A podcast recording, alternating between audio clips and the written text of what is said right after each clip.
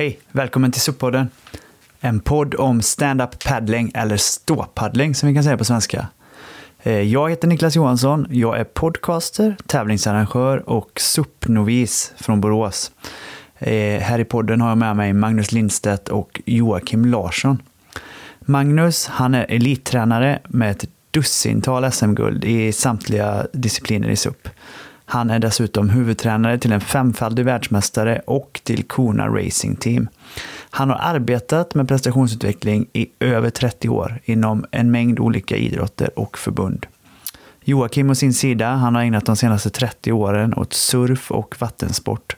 Han har tävlat på hög nivå i windsurfing och har flera medaljer från VM. Han visade en av de första supparna i Sverige redan 2006. Han lever nu för tiden SUP som grundare och ägare till Sveriges ledande SUP-tillverkare, Kona Sports.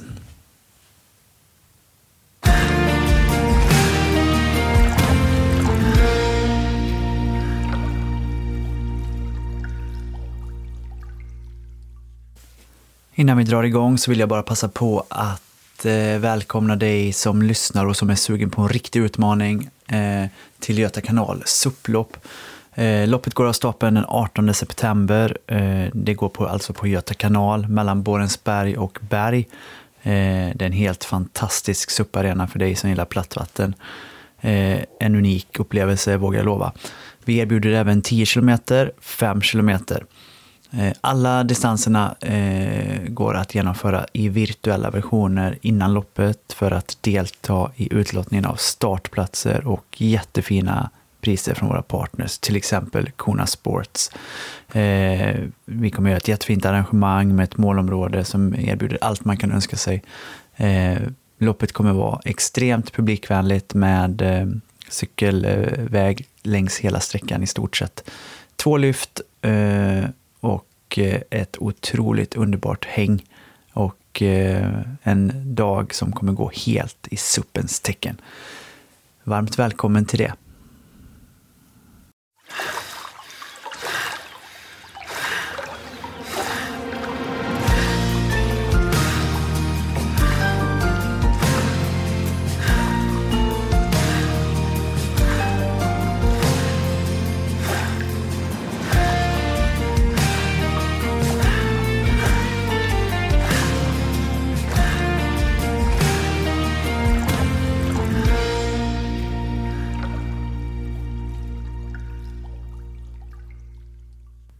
Ja, nu sitter vi här tillsammans i Motala igen då. Det har blivit sommar sedan vi träffades senast. Sist jag var här och suppade var i januari.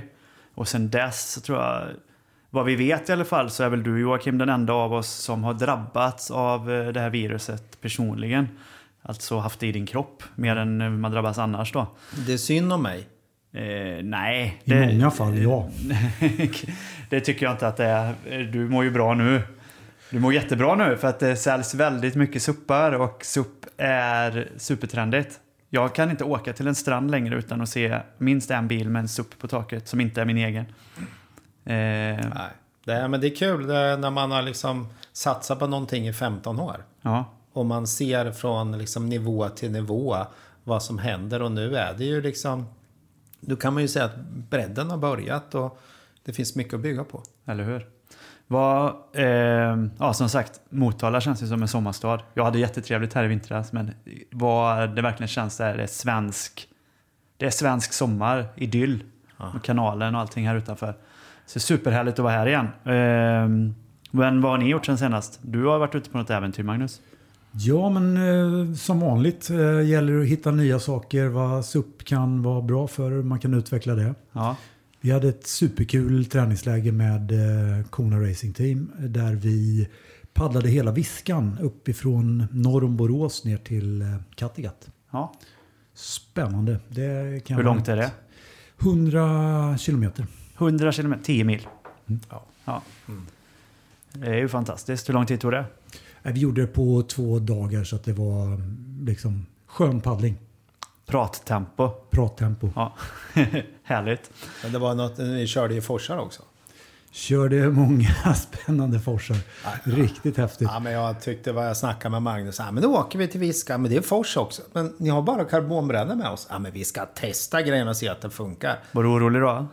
Nej, jag har inte varit orolig. Nej, det är bra. För jag vet att de eh, funkar bra. Funkar helt suveränt. Det var...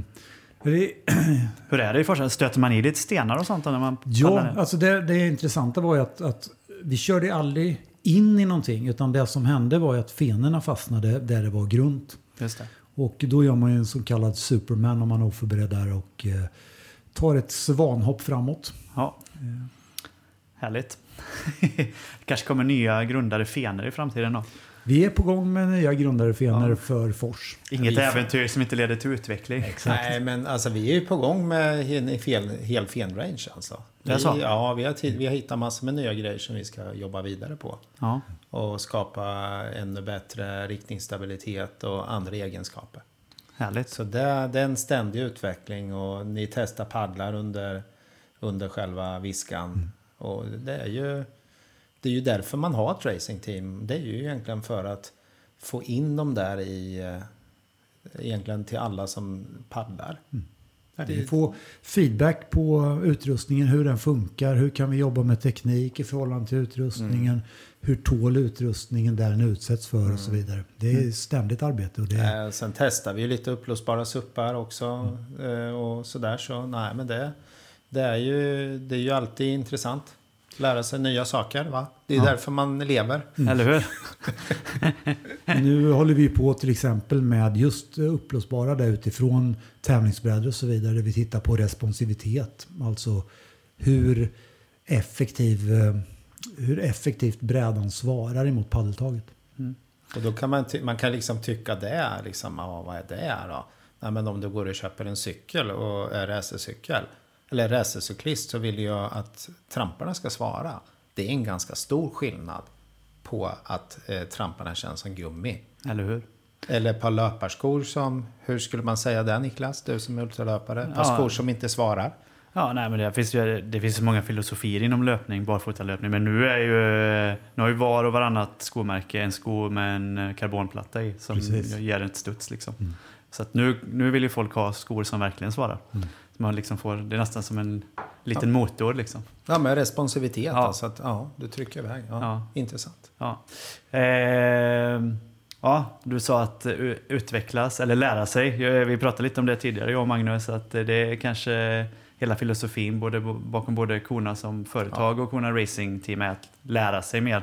Och det är ju också det som eh, den här podden finns till för, att folk ska kunna lära sig mer och ta del av det som, som ni eh, vet om SUP och kan om SUP. Men eh, vi kan bara återgå lite till SUP som företeelse och hur du har haft det sen senast då, Joakim. För nu har jag och Magnus sagt, men du har ju sålt mycket SUP-brädor. Eller hur, är det? hur ser det ut på marknaden? Ja, men det, det är ju bra. Det är en stark trend. Ja. Eh, och jag brukar säga att det är ett, en konsekvens av att man har gjort sin hemläxa. Ja, Eh, faktiskt. Eh, och sen pratar vi aldrig siffror så. Men eh, nej, jag bara men personligen, jag är liksom, jag tycker, eh, jag är happy happy. Det är bra väder och man kan cykla, man kan suppa, man kan känna liksom att kroppen svarar. Det är varmt ute. Alltså, jag, jag körde ett pass igår, eh, eh, bästa pass jag kört faktiskt på nästan eh, tre, sex, eh, ja, sex månader. Och att man känner att man kan kriga lite. Jag vet ju inte hur fort det gick. Men att man har den där känslan av att jag krigar för jag tycker det är jävligt kul. Det, den känslan gillar jag. var det på SUP eller på cykel? På SUP, det var Ja. på SUP. Och sen så har jag cyklat lite med mina barn. De har skaffat cyklar och familjen. Och det har varit fikarunder och det har varit tuffa runder. Och... Men har du haft, eh, har det, var det tufft efter coviden? Att, eh, var du lite eh, Ja, jag, man, man, desarmerad eller vad man säger? Ja, men det tycker jag. Jag tycker faktiskt att lungorna inte svarat riktigt. Eller det har varit svårt att ta upp pulsen. Ja. Den liksom, man får inte upp pulsen. Det, du kommer upp i puls, pulszon kanske tre och en halv eller kanske fyra. Men du, det är jävligt svårt att liksom komma upp. Men jag vet att jag var för några år sedan, det var likadant. Det är egentligen bara att träna vidare och, och köra lite intervaller så kommer det. Magnus säger att det är, det är bara att köra på. Lungorna kommer eh, när man tränar. Ja, antingen expanderar de eller också exploderar de. Ja, men, men jag kan tycka lite skönt sådär, för jag har hållit på med idrott i alla år och sådär. Just nu känns det så här att det är kul att, att göra många olika saker och slita med sig själv att man inte blir för nördig och bara gör en sak. Det kan jag tycka är min personliga utveckling. Men det är kul, för idag ska vi prata om SUP som kompletterande träning. Så att det, det kanske blir allas utmaning framöver. Vi får se. Men eh, ja, jättekul att vara här igen och det här är avsnitt åtta av SUP-podden. Och eh, ja, vi kommer strax tillbaka och pratar om eh, SUP som kompletterande träning.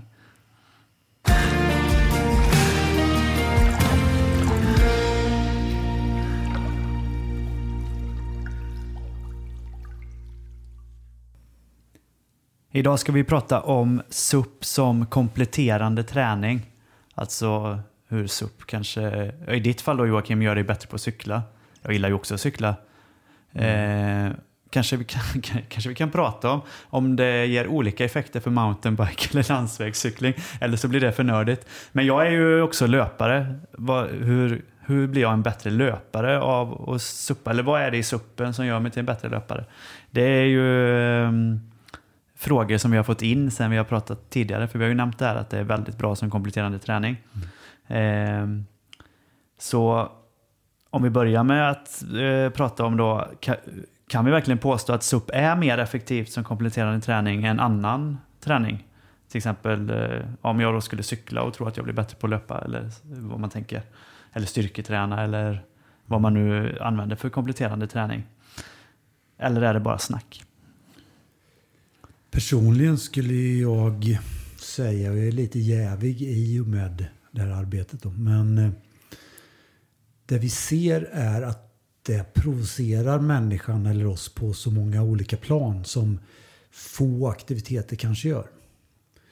Eh, det är både balans, det är både hur vi ser på situationen, vi ser på miljön och så vidare. Hur vi värderar saker och ting. Det SUP kan faktiskt få oss att att förstå mer om oss själva än mycket annat. Då. Och det är det som också vi kan göra kopplingarna till vår primära idrott. Till exempel om det är löpning och så vidare. Om jag vill bli bättre löpare. Alltså i det här fallet springa snabbare på eller springa en sträcka på kortare tid. Just det. En eh, fråga som jag fick eh, faktiskt när vi pratade om det här senast. För du säger ju ofta att suppen provocerar oss på så många sätt. Eh, kan du förklara det lite? För det kan en del undra. Vad, vad menar du med det? Att den provocerar oss och varför skulle det vara bra? Ja, men jag tror vi pratade lite om det i början här. eh, Under något tidigare program. Och mm, om man tittar på människan och i förhållande till vatten. Så vatten är en potentiellt farlig miljö för människan genom evolutionen. Och det gör att när vi är vid och på vatten eller omkring vatten så aktiverar vi våra eh, sinnen mycket mer. Vi är mer skärpta för att det finns viss fara med vatten.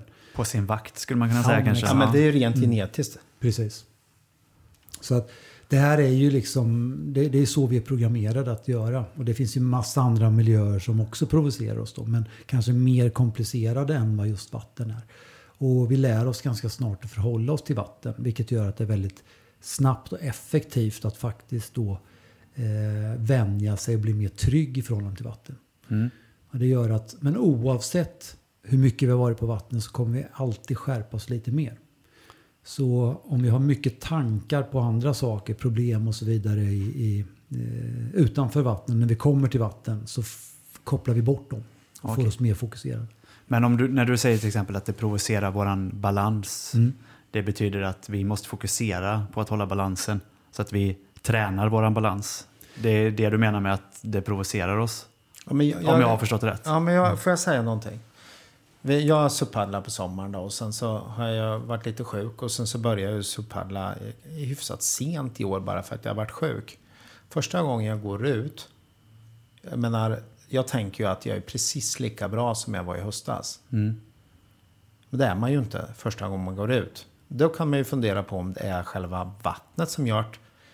Eller som jag tror att det kanske är primära, det är att du har inte aktiverat nervsystemet på det sättet som du gör när du suppaddlar. Och när nervsystemet liksom provoceras, det är ju balansen kan man ju säga. Mm. Helt plötsligt så börjar hela kroppen leva.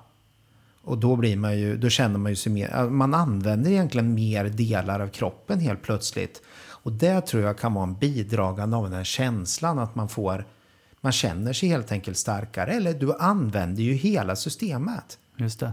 Men låser du in det där och inte har den här balansen, det, det säg, borde ju säga sig själv egentligen.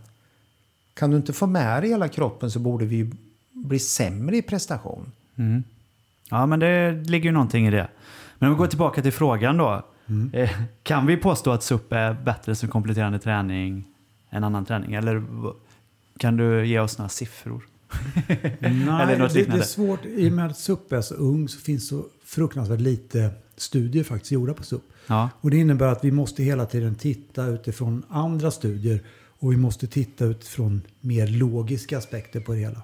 Vi måste se hur det här skulle kunna, alltså varför det här skulle kunna visa att det är bättre eller sämre på något sätt. Då.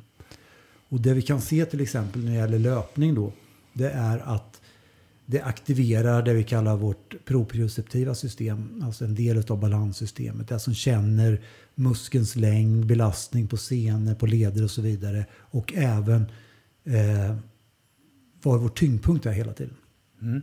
Så tar vi löpning som ett exempel så i och med, eh, och det här finns massa studier på, i och med att vi sitter så mycket som vi gör på stol idag så har hjärnan stängt ner vissa muskler, eller vissa kopplingar.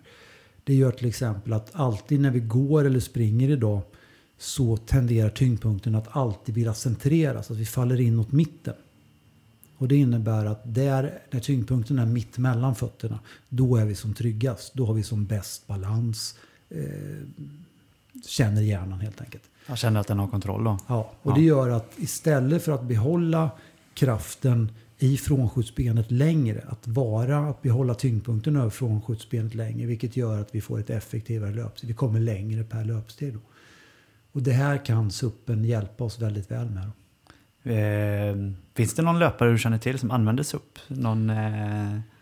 Inte någon sån på yppersta elit, men många andra jo, som... Joey Bolin. Joey Bolin håller ja, på hon är ju, mm. Absolut. Hon ja. är ju...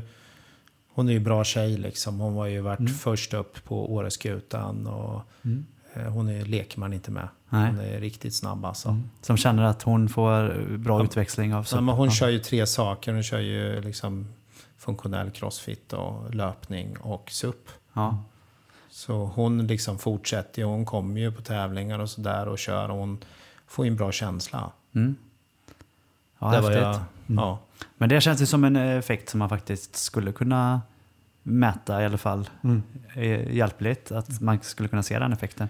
Men eh, Ja, förlåt. Du skulle säga något. Ja, det här var ju samma sak. Det vi upptäckte på det var ju till exempel längdskidor från början. Då. Mm. Samma sak där i diagonalåkningen exempelvis. Och eh, tittar man då på eh, gemene man som kör Vasalopp och så vidare som tränar i bra spår. Och sen så kommer man till Vasaloppet och, och kanske inte har några spår överhuvudtaget. Så hur mycket kraft som läggs på att hålla balansen istället för att driva ja, just det. skidorna framåt. Det där har jag erfarenhet i Marsalonga för ett par år sedan när jag var nere och då hade jag kört mycket SUP och tränat ganska bra faktiskt. Och sen så kommer man ner i den här liksom plusgraden slask och inga spår. Jävlar, det var jobbigt alltså. Är det ett skatelopp eller? Eller är det klassiskt? Eh, nej, det är klassiskt. Ja. Men, men eh, det, är liksom, det är ju ingen ordning och de som kommer bakifrån, de är liksom duktiga där, de trycker ju på. va. Så jag kan ju tänka mig att det måste vara oerhört bra att få ett bra nervsystem i de situationerna det är svårt. Mm. Säkert terränglöpning, säkert liksom de här svåra situationerna som man då kanske har, i och med att du har ett bra nervsystem, också kan känna balansen och liksom förhindra den här liksom, äh, skadan kanske till och med. Just det. Så Men det... skulle man kunna säga att SUP är som bäst komplement till den sortens idrotter där det krävs mycket balans då, som kanske längdskidåkning i dåliga spår eller som du sa terränglöpning där det är mycket rötter och stenar eller jag skojade om det innan att man kanske skulle jämföra hur bra det hjälpt eh, var komplement till mountainbike kontra landsvägscykel. Mm. Jag tror faktiskt, att man jämför man landsväg och, och liksom mountainbike, mountainbike är ju mer eh, balans och sådär. Men det är ju fortfarande så är det ju, du, du, du har ju fortfarande en cykel som du håller balans med. Mm. Eh, Medan eh, där kan man ju faktiskt se framåt roterade cyklister. Jag cyklar mycket själv och det är väl kanske därför man cyklar, för att det är väldigt skonsamt och man behöver kanske inte vara trådsmal. Nej. Eh, du har mindre motstånd, men där, här kan man ju faktiskt hoppas att man faktiskt tittar på att jobba med fler idrotter. Det leder oss inte superlångt framåt att bara hålla på med en idrott. Nej. Men, men det är klart att det är ju bekvämt för hjärnan att göra samma sak hela tiden. Det är ju rent genetiskt, vi är ju lata va? I grund och botten. ja, det finns ju ett syfte i det också. ja, att vara lat ja. ja. Det pratade vi också tidigare, jag och Magnus, eh, under dagen här om att ha en plastisk hjärna. Vad är syftet är med det när man har en vardag som ser likadan ut dag efter dag? Men det är väl lite samma sak kanske. Det var ett sidospår.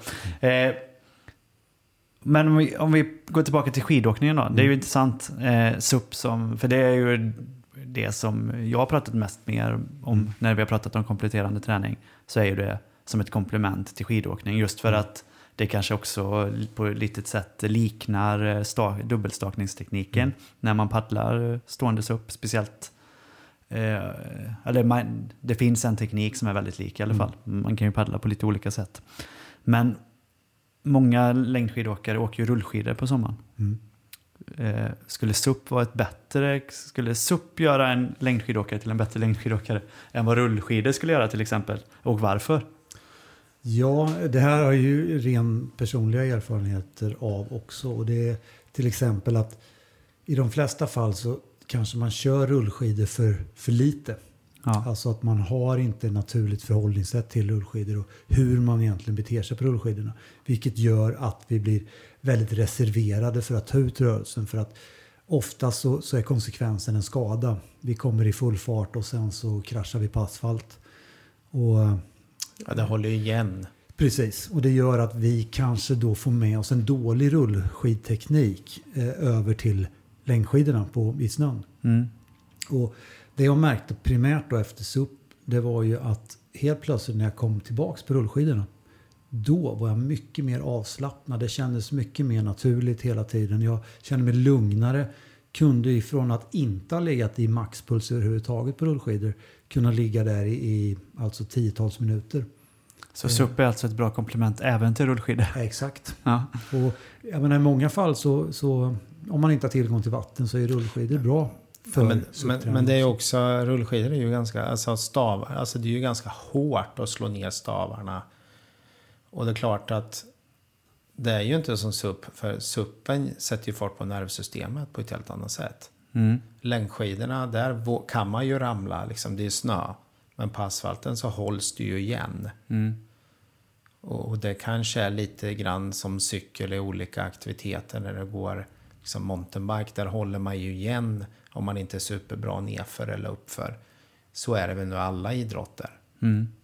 Men det är ju nog för att man dels kanske mentalt i huvudet inte liksom vågar.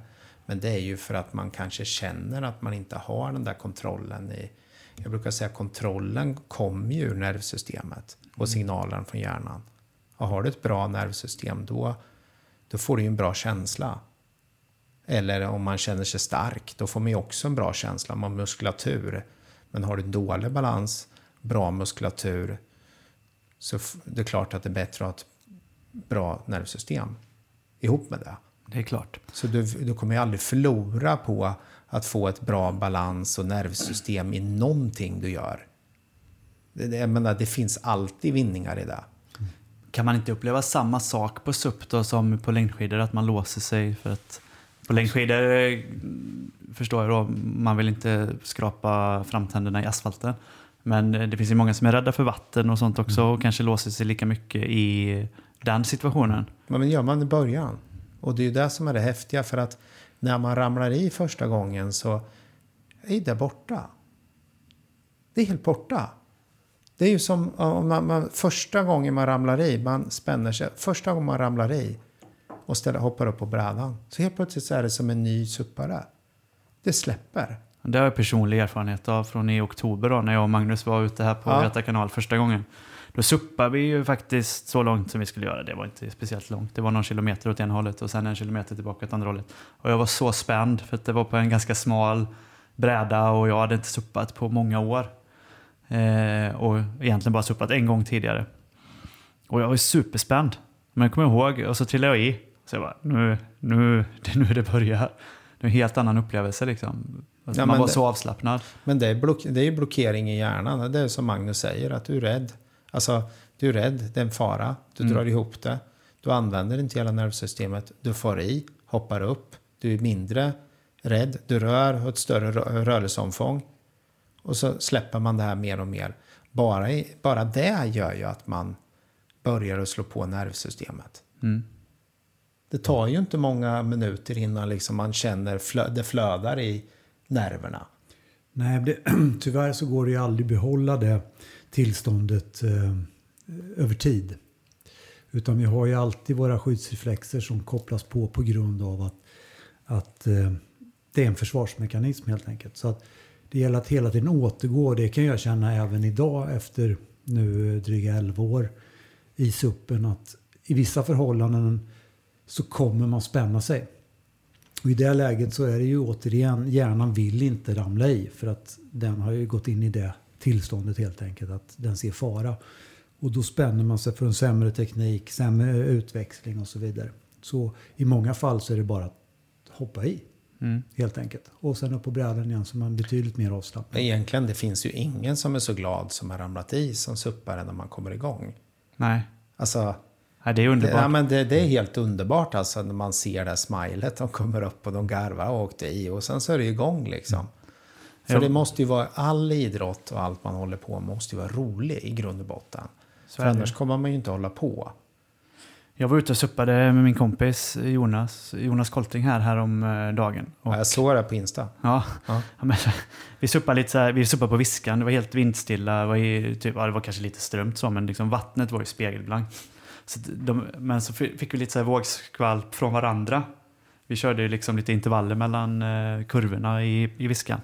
Och så den som låg först gjorde ju lite vågskvalp åt den andra och då kände man det blev lite så här sidled. Man bara, ah, nu blir det lite instabilt här liksom. Så pratade vi om det, ja men andra suppar ju i havet liksom, där det är vågor. Vi har, detta är ju knappt en krusning liksom, hur kan det kännas så? Och då berättade jag det att, för honom att sist jag suppade, eller inte sist jag suppade, men sist jag var här i Motala var ju i januari. Och det var sex minus i luften. Men det hade inte, ja, isen hade inte lagt sig här ute precis i inloppet. Så vi var ute och suppade runt bojarna här och det gick dyningar som kom liksom i sidled på suppen. Och han bara, hur fan klarar du det då? Och jag bara, det var också kolmörkt ute. Det, liksom, det var, det var Ja, på ja. eftermiddagen så det var ju svart liksom. Mm. Och han bara, hur klarar du det? Och jag bara, "Mm, nej det var bara att jag inte ville trilla i. Ja. Jag ville inte trilla i. Så att, jag var ju, den gången var jag ju superspänd. Och så sa jag det, att jag är ju mycket, mycket mer avslappnad bara för att det är sommar och jag vet att det är 20 grader i vattnet. Än vad jag var då. Men nu, det är ju också för att man kanske inte... Ja, men vi kan ju se det där liksom folk som inte har suppat, de börjar, det första de pratar om det är ju det, det första skyddsreflexen innan de har börjat. Uh, går det att köpa torrdräkt? Går det att köpa våtdräkt? Ja, men det är ju bara ett mått på faktiskt att hjärnan säger till det, skydda det, det är kallt. Mm. Sen när man har supppaddlat då i, i juni och i juli och sen går vi in i augusti och går in i september. Det är ju få som sätter på sig ett våtdräkt överhuvudtaget liksom när man har lite kontroll. Det är klart att man gör det i vågor. Men det är ju för att hjärnan är ju inte rädd längre. Nej, Så, så att köpa våtdräkt tidigt handlar ju om att hjärnan är rädd. Det finns en rädsla. Och Ja. vi försöker ju säga det där att eh, vad är det för våtdräkt och torrdräkt? Vi paddlar ju inte ens i torrdräkt. Det är alldeles för varmt. Vi paddlar ju ganska tunna våtdräkter och sen klär vi oss lager på lager. För vi har sett att det funkar inte. Det andra funkar inte. Det blir för varmt. Det funkar inte. Nej, jag var ju likadan när jag började att jag ville ha våtdräkt. eh, Men jag vet, ja, det är i mars någon gång var jag ute och paddlade när det var så här 13 grader i luften första gången. Mm. I bara löparkläder. Och så trillade jag i. Så tänkte jag, vad fan också, nu måste jag ju paddla in till bilen. Och så upp på brädan och börja paddla inåt. Men bara, nej, det var inte kallt nu när jag är uppe på brädan igen. Jag kör vidare liksom. Så körde jag färdigt. För att det är inte vattentemperaturen som är så viktig då. Det var 13 grader i luften så att jag kunde hålla mig varm så fort jag var uppe ur vattnet igen. Ja, men man kan ju säga så här om man tar löpning, där har du ju liksom löparkläder, lätta kläder, cykel skyddar dig mot vinden. Eh, I längdåkning, jag menar, det, det är också, eh, det skyddar du ju inte ens mot vinden. Du genererar så extremt mycket värme. Åker du slalom, då har du stora slalomställ i Gore-Tex för att skydda dig mot vinden. Kommer du upp, det går långsamt. Eh, du kommer generera massor med, vad heter det, eh, vad heter det, värme. En våtdräkt är ju designad för surfare. Det är ju något, egentligen är ju det något helt annat än vad vi sysslar med. SUP är ju en, hälso, en hälsogrej. Mm. En sport, liksom, en, en, en, aktivitet som är egentligen något helt annat. Eller hur? Där du faktiskt är över vattnet i regel. Finns det speciella SUP-våtdräkter eller?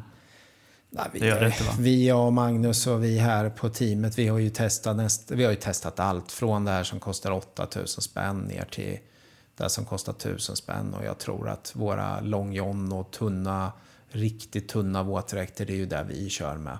Sen på med en vindjacka och sen är ju vi nöjda. Skor, tjocka skor är ju viktigt. Nu, vi går ju nästan från 7 mm direkt ner till barfota.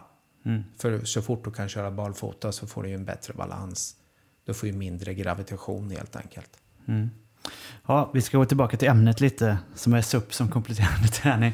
Det är så många sidospår i SUP så det är inte så konstigt att vi eh, sladdar iväg lite ibland. Barfota-grejen är ju otroligt intressant också faktiskt mm. att komma till senare. Men vi höll ju på att prata lite om de här olika idrotterna. Vi pratade om skidor och löpning. Mm. Eh, vi har nämnt cykling, men vad är det i min cykling som blir bättre av att jag suppar? Det är samma sak här egentligen som i löpningen då. Att, att det vi har sett bland elitcyklister till exempel. Det är att de får en mycket bättre kraftöverföring än en vanlig ordinär motionscyklist som inte har lika många timmar i, i sadeln eller stående i många fall. Det är att man...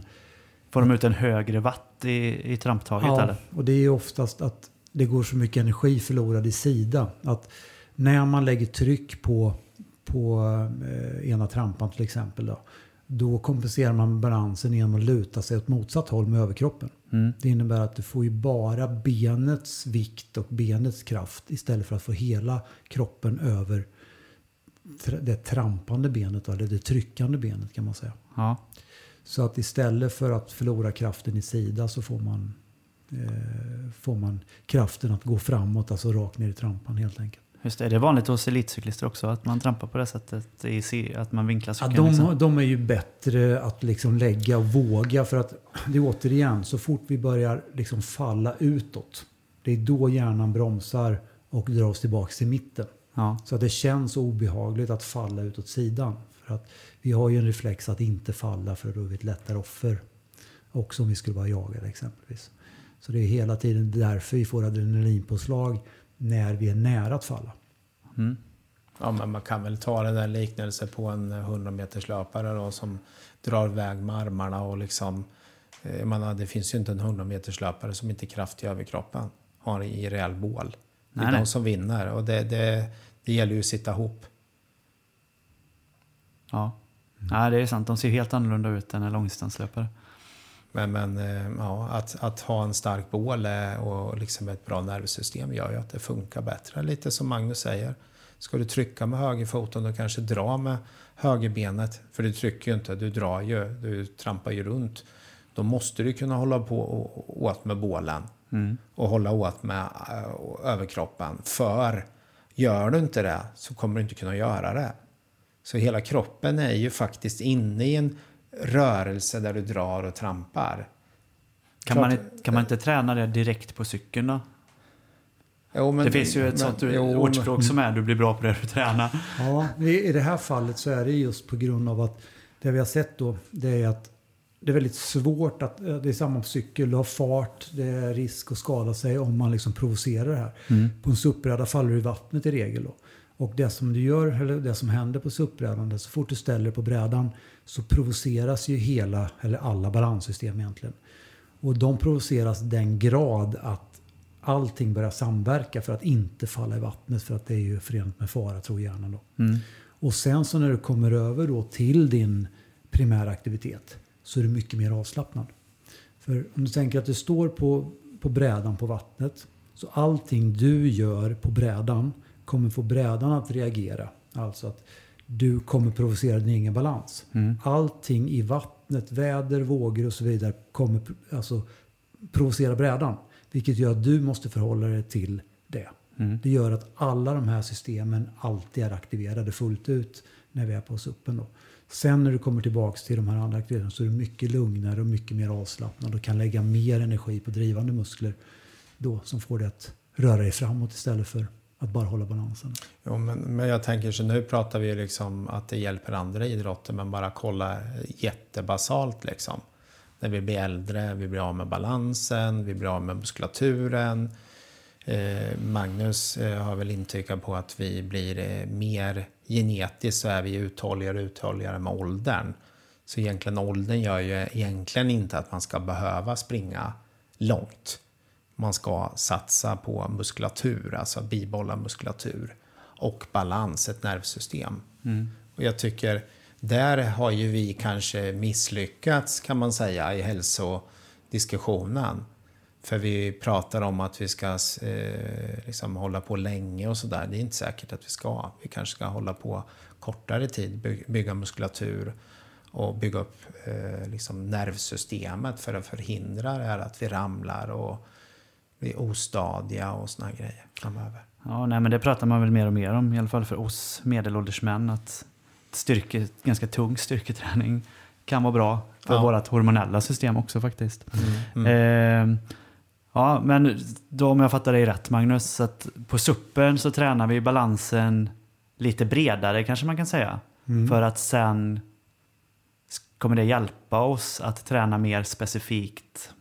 Det kommer det är nästan så att det sker automatiskt i och med att på brädan, vi behöver liksom inte träna balansen specifikt på brädan utan den får vi ju så fort vi ställer oss på brädan. Och ju mer vi rör oss på brädan desto mer utmanande blir de här systemen. Vilket gör att de måste ju aktiveras för att hantera det. För fortfarande så har vi reflexen att inte falla i. Det är fortfarande förenat med fara. Så oavsett hur väl vi Alltså hur väl vi förstår att det inte är någon fara så kommer hjärnan alltid att se det som en, viss fara. Då. Och det här gradvis sjunker ju, ju mer vana vi är att vara på vattnet. Då. Men eh, vad ska man säga? Det som egentligen, om vi då tänker att bra balans. Ja men bra balans för vad? Vad är, vad är liksom målet med en bra balans då? Ja, varför vill vi ha det? Exakt. Och då handlar det ju om att, att när vi har bra balans så samverkar musklerna mycket mer. Vilket gör att vi fördelar belastning på kroppen på fler muskler. Vilket kan hantera det. Vi får det vi kallar för momentan återhämtning. Alltså muskler aktiveras alltid i kedjor om man säger. Så att en muskel kopplas in, sen kommer nästa och nästa och nästa. Det här sker i cykler kan man säga. Och det gör att varje muskel, när nästa kopplas in, så får ju den återhämtning. Och ju fler muskler som ingår i den här kedjan, desto mer återhämtning för varje enskild muskel. Vilket gör att uthålligheten kommer på köpet där också. Ja, du, ja, du får ju hjälp också. Att fler muskler är inblandade. Vilket gör att du borde ju inte bli lika trött. Exakt. Det blir ett muskelteamwork kan man säga. Exakt. Ja. Och det, Nej, men det är lite som vi jobbar. Vi jobbar i team. Precis. Apropå team, eh, jag vet att det finns en superduktig svensk hockeyspelerska som också coachar eh, ungdomslag i hockey tror jag och som använder sig av SUP eh, i Hon är hockeyträning. faktiskt eh, lagkapten i Damkronorna va? Ja, i Linköping i alla fall. Nej, hon är Eh, lagkapten hon är- i Damkronorna. Ja. Då är det, ja. Men det är ju intressant. Hur blir de bättre hockeyspelare av att suppa? Och eh, vad är det i hockeyn som blir bättre? Är det skridskoåkningen eller Ja, det är ju, är det egentligen- crosschecken? Jo, men alltså det, det som vi är lite inne på här gällande balans och så vidare. Vad är det, det som, vad ska det leda till? Och det här till exempel att det fördelar belastningen bättre. Det gör ju också att vi får en betydligt bättre kraftöverföring. Alltså timingen, rörelseprecision pratar vi om. Alltså att kraften kommer exakt vid rätt tillfälle. Ja. Det gör oss ju effektivare.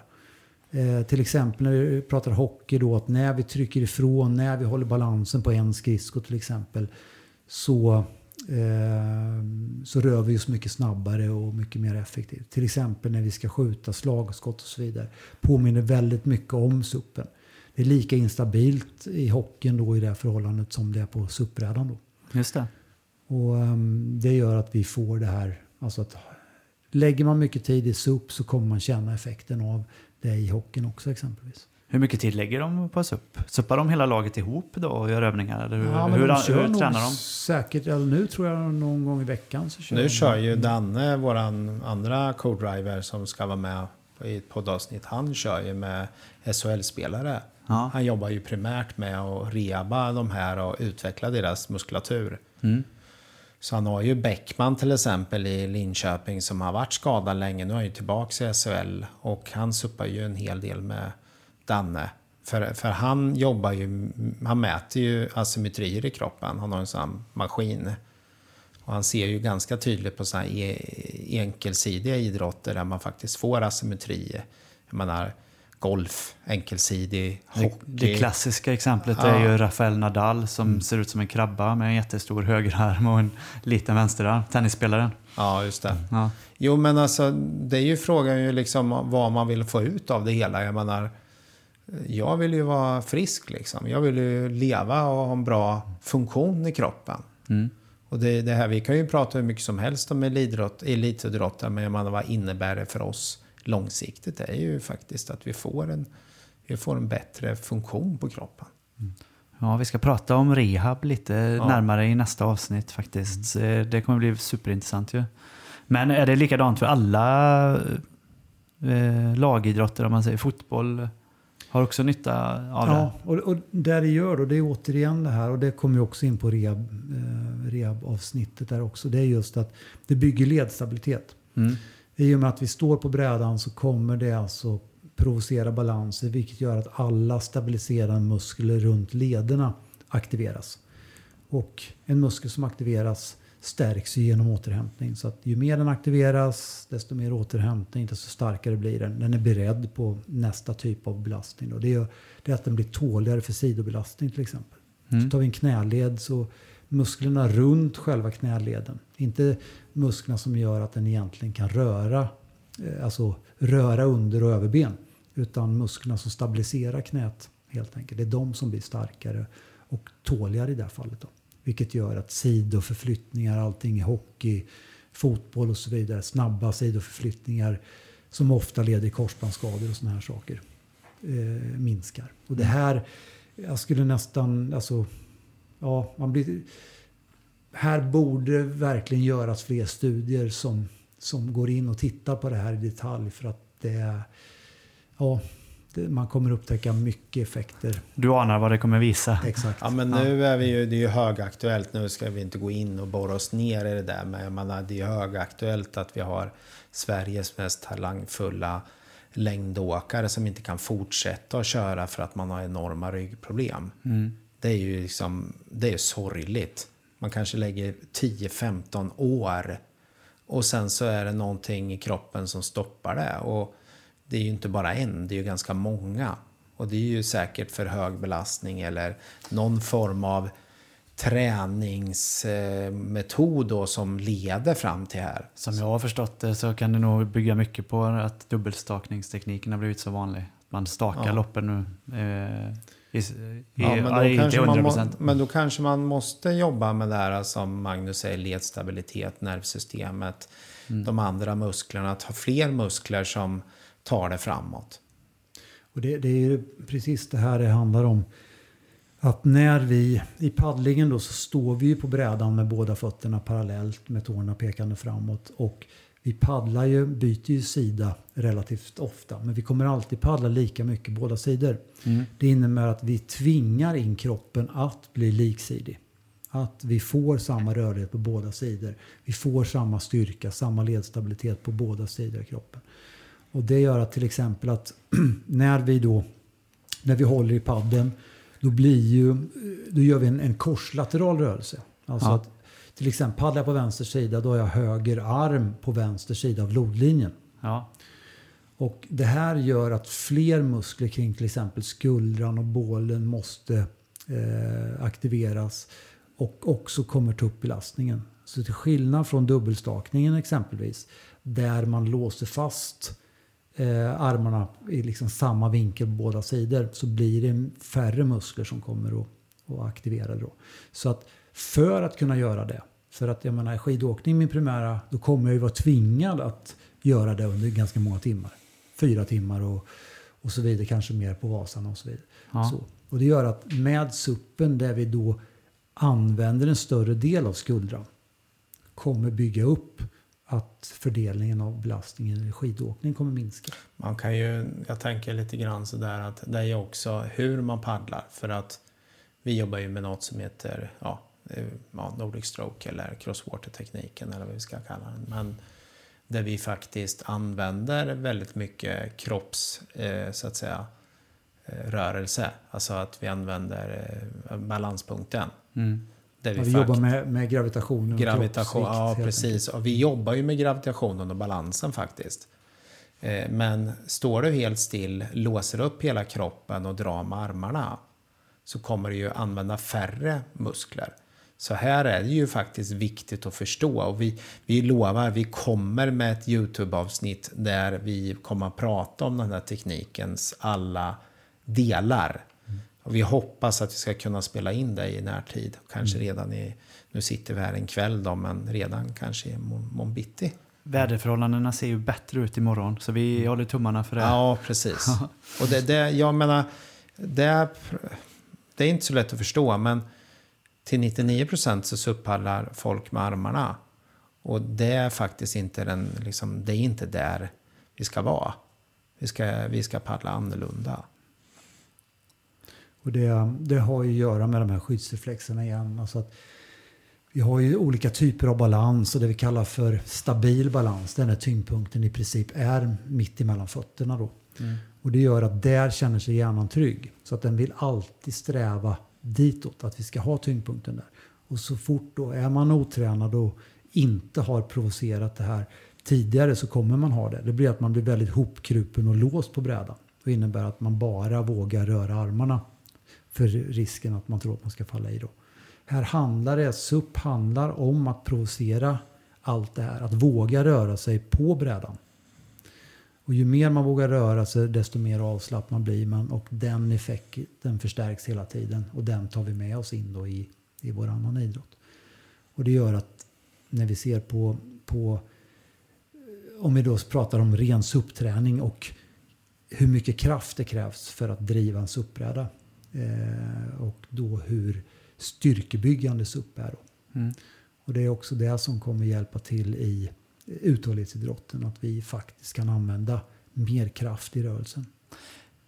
Jag har skrivit upp en fråga här efter att jag har pratat med dig som är eh, Varför är det bra att inte träna SUP som vi tränar annan uthållighetsidrott? Jag tror att eh, när man hör oss prata om det här, eller när jag hör er prata om det i alla fall, så tänker jag att SUP är en uthållighetsidrott likt längdskidåkning eller löpning eller cykel så. Men eh, du har sagt att man kanske inte ska tänka att man tränar det på inte- liknande sätt. Nej, men bara, du kan ju inte hålla på lika länge. Nej.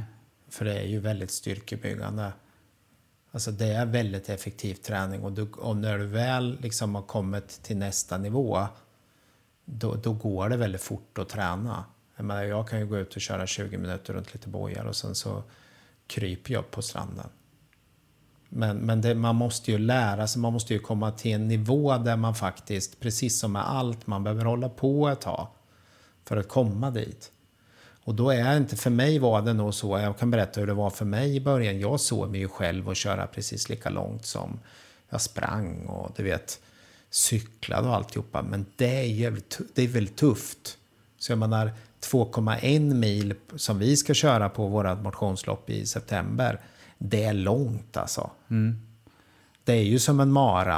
Eh, När man i- springer i- en halvmara, vad, ja, kan men- man jämföra det med ett maraton? Ja, det, det vill jag påstå för att du använder så mycket delar av kroppen. Sen kanske inte, jag vet inte, man blir nog jättetrött på mara för att man använder förhållandevis få muskler väldigt mycket. Så du får kramp. Medan i SUP kommer det ju vara, du kommer ju använda så mycket mer muskler. Du får helkroppskramp. Ja, och sen att du kanske inte är tillräckligt stark. Nej. För det är, kräver mycket styrka. Så, så det man... är anledningen då att styrk, det är mycket mer styrkekrävande än, än andra konditionsidrotter? Är det det du, som, som du menar med det Magnus? Att man inte ska träna det så som man tränar andra? Nej, ja, lite så. Alltså jag menar, du kan ju paddla i och med att det är så skotsam aktivitet, att det inte är någon stötbelastning egentligen. Då, gör ju att det är oerhört, vad ska man säga, eh, alla kan träna det oavsett förutsättningar nästan. Och också då bygga den här styrkan. Men det jag menar, det som oftast varit det, det, I och med att jag har intresserat ganska många elitidrottare i suppen då, så är det så lätt att man bara tror att det är samma sak som när man håller på med. Att det är löpning eller cykling. Ja, nu ska jag paddla långt och länge. Mm. Det är det som kommer ge effekten. Men suppen är ju, eh, och ska man ha nytta av SUP så ska man göra precis tvärtom. Vill man använda SUP för, som kompletterande träning så ska man göra helt annorlunda. Man ska suppa kort och ofta. Ja, det är nästintill. Men, men det handlar om som, som liksom ett, ett pass. Det är att du har en yta kanske på, ja, skulle klara sig kanske med 25 gånger 25 meter, men kanske 50 gånger 50 meter. Där du faktiskt lär dig brädkontroll, att manövrera brädan, att röra dig på brädan hela tiden. Där du måste förhålla dig till vattnet, där du måste förhålla dig till vinden, vågorna, eh, hur balansen hela tiden, eller tyngdpunkten flyttas på brädan som i sin tur rör sig och så vidare.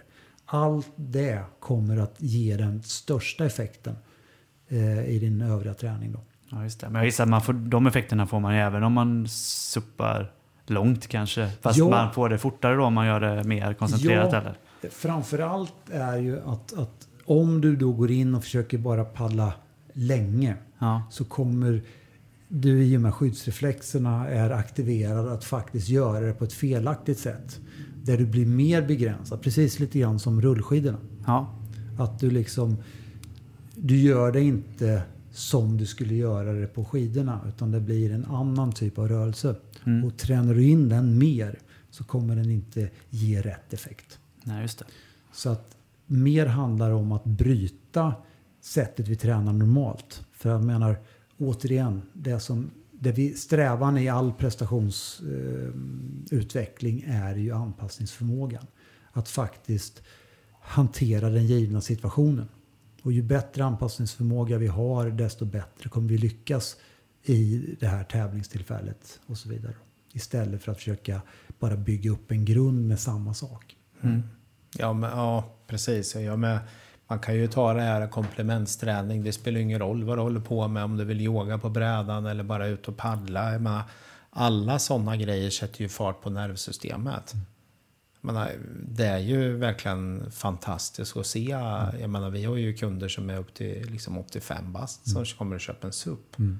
Och de, bara, de är ju de är helt besatta. Mm. De här, ja, men, vad de får är ju att de får tillbaks nervsystemet det de inte har känt på många år. Det är ganska häftigt att få känna att Där man jag hade velat bättre... prata med någon 80-åring och se om de känner sig som ja, 70 efter de har börjat ja, eller hur vi, det är. Vi, har ju faktiskt här Marcus som jobbar på Kona. Ja. Han, eh, hans mormor, eller farmor är det tror jag. Ja. Hon är 80 år och hon paddlar. Ja. Mm. Så att eh, vi ska, Marcus ska filma henne nästa gång. Mm. Kul. Mm. Det är ju superintressant verkligen. Ja, För jag är ju 40. Jag känner mig som 30 ofta efter jag paddlar. Ja, Nej, men jag känner mig som 20.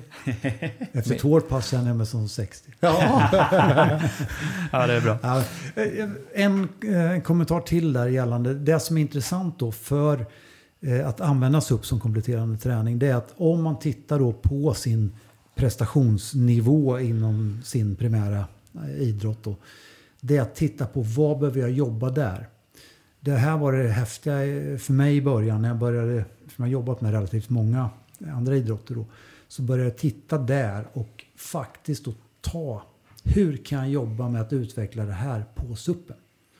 Och helt plötsligt så blev ju inte det kopplat till någon prestation. Jag kunde se det mycket mer objektivt och mycket mer liksom, alltså att fokusera på rätt sak utan att vara kopplat till något, något specifikt värde som jag behöver förhålla mig till. Då.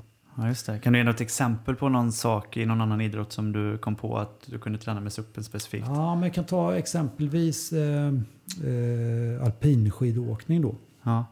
Och det var ju det här med att, att hela tiden orka hålla, hålla balansen i den här låga positionen, alltså fartställningen då. Mm. Eh, när vi jobbar med den här tekniken vi kallar för Nordic stroke, där håller vi en, en ganska kompakt position, nästan 90 graders vinkel i, i, i knäled då. Ja. Och att orka jobba med det och liksom klara balansen och så vidare, där, eh, där såg vi jättestor effekt. Häftigt. Och ett, ett annat fall var klättring nämligen. Ja. Ehm, som jag håller på med själv väldigt mycket. Och där upptäckte man hur uthålligheten förbättrades genom SUP-paddlingen. Då. Okej. Då är frågan varför. För Mm. jag hade inte haft speciellt bra, enligt min, min eget... eh, Vad är uthållighet i klättring? Är det liksom mus- det att att inte, musklerna... Precis, det är att inte, eh, vad ska man säga, blockera all blodgenomströmning i underarmarna. Att, att fingrarna egentligen bara, eller händerna öppnar sig helt enkelt. Då. Ja. Så att helt plötsligt så kunde man alltså hålla mer avslappnat i grepp än vad man har kunnat tidigare. Och vad be- berodde det på? Ja, det är Vet du eller att- tror du? Ja, men det, ja, det är igen, finns ju inga faktiska studier på det här heller då, som kan bevisa exakt så. Men så att här vill man testa så provar man själv. Ja. Så kommer man ganska snart märka det här då. Men eh, min bild var att samma sak, precis som med klättring då. Eh, vertikal miljö, höjd är ju en, en potentiellt farlig miljö. Släpper vi taget så ramlar vi i backen. Och det gör att ju mer stressade vi är desto hårdare griper vi. Alltså då triggas gripreflexen. Samma sak på, eh, på vattnet då. När vi håller i padden. Ju mer obehagligt vi tycker att det är desto hårdare griper vi om padden. Men här så är, dör vi inte om vi skulle tappa padden. Det innebär att till slut så kommer vi få, vi kommer automatiskt bli mer och mer avslappnade medan vi paddlar. Okej. Och den effekten slog över till... Ja, men där till jag slås av, jag menar bara som Magnus säger, brädkontroll eller bara leka på brädan. Eh, Det är ju så extremt nyttigt. Jag menar, vi ser ju fortfarande där ute med Open Ocean och liksom, eh, liksom SUP-handlingen där. Det är ju fortfarande liksom, man måste ju ha bra balans och vågkontroll och alltihopa. Eh, Men då är det ju en annan typ av paddlare som vinner va? Mm. Det, det kanske inte är den där eh, liksom rakåt, rakåt fram paddlaren, eh, konditionsidrottaren. Det är, det är olika kategorier. Men att leka i vågorna och leka i vattnet, det är nog faktiskt det som är det viktigaste här. För alla. Det är ju, det Men det, kan, det gör- behöver man ju egentligen inte våga för att göra. Eller? Man Nej, kan nej, ju säga Nej, men bara leka. Gå runt på brädan och försöka Men- få den att svänga snabbare Men vi lägger boj. ut oftast tre bojar och så kör vi runt dem där och sen olika sekvenser. Så kör vi mot varann och vi kör liksom startar från en boj upp till de andra och sen rundar ner. Och, så det är kul. Men man måste liksom komma dit att man tycker liksom att man vågar. Det är ju det- lättare nu när det är 20 grader i vattnet. Nu vågar de flesta I testa. Borås kanske, men i Vättern har det inte kommit upp dit än. men man kommer upp fort ur vattnet. Ja. Ja, ja, ja, men det ska man ju alltid göra. Nej, men jag gjorde faktiskt det själv för ett tag sedan. Att jag eh, eh, drog på mig våtdräkten då faktiskt. Och så eh, körde jag bara runt, runt lite bojar och så försökte jag imitera det jag har sett Magnus göra när han går långt bak på brädan och ska svänga runt och gå framåt och sånt. Och så trillar jag i hela tiden. Men eh, superbra. Eh, Super- att få känna hur Superbra va? Superbra ja. ja men jag har egentligen bara en eh, fråga kvar på min lista som vi kan ta nu direkt. Eh, och det är hur viktig är utrustningen för att få bra träningseffekt? Alltså kan jag få bra... eh, Vi kan jag köra på en kort uppblåsbar bräda och få bra träningseffekt? Ja, men jag får säga så vi har ju ett helt avsnitt om det där. Men eh, det är klart att från att inte suppaddla och gå ut och suppaddla så får man ju alltid bra träning. Ja. Men har du fel typ av bräda så blir ju upplevelsen väldigt låg eller suppaddlan blir väldigt svårt. Det är onödigt svårt när man har fel grejer. Eller har du för bred bräda och du kan skada dig på grund av att det är för brett liksom. Så man, det var, jag tror det var svaret. Att, att det går ju... Det, är ganska, det, det är ganska viktigt med rätt utrustning. Ja, men det, För om man vill använda det till upp- träning. Ja, men de fokuserar på upplevelsen som vi alltid gör. Vi, vi, liksom, vi tittar på användarupplevelsen. Det är där liksom man måste fokusera. Mm. Dels så fokuserar vi på stabilitet för att få öka kraften på brädan när vi ska liksom köra fort, racingteamet. Sen om man tittar på liksom den vanliga konsumenten, den vanliga människan som köper de här brädorna. Då är det ju liksom upplevelsen när man står på brädan. Och att det går att utföra det här. Men det är ju så att det finns ju brädor som är mer lämpade för träning. Det- Så är det ju. De är ju i regel lite smalare, lite hårdare. Och kanske lite längre. Det beror på hur seriös man är med sin träning helt enkelt. Ja, eh, var, var det svaret Magnus? Ja, både och. Jag skulle vilja Okej. Mange får säga sitt. Ja. lä lägga till där att, att handlar det om rörelseprecision så måste vi ha utrustning som svarar emot eh, vad vi vill åstadkomma. Ja, det är klart. Så har vi för mjuk utrustning, till exempel brädan, om den är för mjuk, då kommer vi inte få rätt effekt. För vi tajmar ju rörelsen, men fördröj, det blir en fördröjning i rörelsen. Mm, Och då lär vi oss in fel. Och det är samma sak med eh, paddelstyvhet och sådana saker. Ja, vi får ju inte responsivitet. skulle precis säga det. Jag har ju varit här på Konas kontor under dagen. Jag har flera gånger idag hört det ta- pratas om responsiviteten. Det är inget ord egentligen. Det är Nej. någonting vi Nej, men det är där vi- Ja, använder ju- här ett ljud då. Nej, men det är ju där vi jobbar med. Det är ju ett mantra just nu där vi liksom lyfter det i alla våra produkter på alla segment. Och det kommer ju ur väldigt mycket tester ur Kona Racing Team. Där vi faktiskt nu kan mäta det och se det. Och då kan vi implementera det Och vad det i, hos, handlar i, om. hos allt, i allt vi gör. Vad det handlar om, ordet vårt användande av ordet responsivitet handlar om kraftöverföring. Alltså att utrustningen ska svara på den kraften vi, vi genererar. Och det är viktigt om man vill få ut rätt Det är träningseffekt. väldigt viktigt, både gällande det och för att skapa så bra fart som möjligt på brädan. Ja. Och tittar vi på konstruktioner, olika konstruktioner så har ju de ger ju olika responsivitet helt enkelt. Att de svarar bättre eller sämre på, på vår rörelse. Ja, men vi, vi mäter ju det där. Vi, vi kan ju exakt samma bräda i olika material. Så kan vi få tre olika responsiviteter. Och så tar vi en uppblåsbar, exakt samma storlek. Olika material får olika responsiviteter. Men vi, vi släpper det snart. Det, det, efter sommaren troligtvis. Och då är det ju första värdet någonsin. Där man faktiskt kan mäta det. Det Det är, det, är, ja, men det, det är häftigt för att där kan du ju överföra direkt till cykel eller till ett par bra löparskor eller ett par bra längdskidor som svarar mot din vikt. Mm.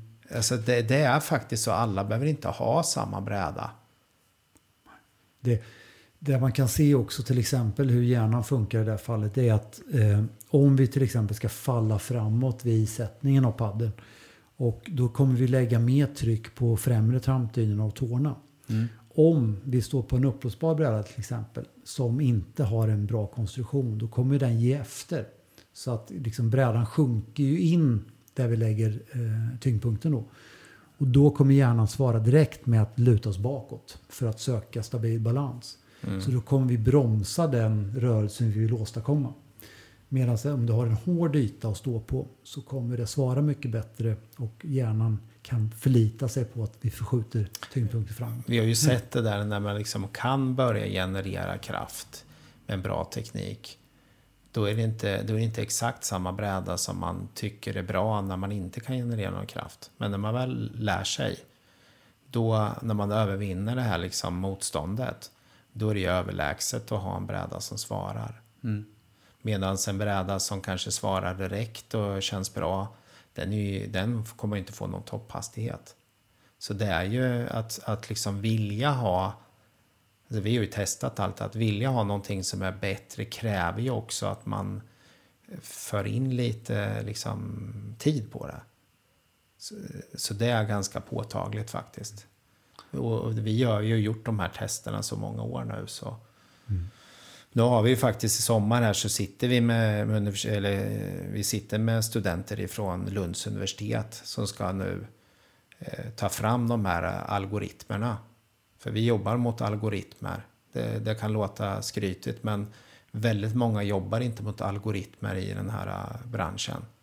Och det försöker vi göra. Vi försöker inte känna, vi snarare att vi vill ha data på det vi gör. Och då är det mycket lättare att utveckla produkter eller träningsformer. Det är som Magnus säger, jag menar, känner du form? Jag vet inte, jag ska kolla på klockan. Ja. så sticker han ut och kör. Eller hur? Ja, och sen säger han, nej men det, det ser skapligt ut liksom. Ja. det känns nog bra. Och, och det är nog viktigt att vi får sluta och det är mycket tyckande va. Eller hur? Vi, det- kan inte, vi kan inte utveckla det vi gör genom att tycka. Vi måste faktiskt börja mäta. Ja, det är superintressant. Allt det här snacket om SUP eh, har gjort att man blir väldigt sugen på suppa. Så jag är nöjd med det här avsnittet om eh, SUP som kompletterande träning. Och eh, jag tycker vi drar direkt ut på vattnet här utanför nu och förbättrar min löpning genom att suppa lite. Precis. Så, ja, så återkommer vi nästa gång med avsnitt 9 som kommer handla om SUP som rehabträning. Tack för idag! Tack. Tack Niklas.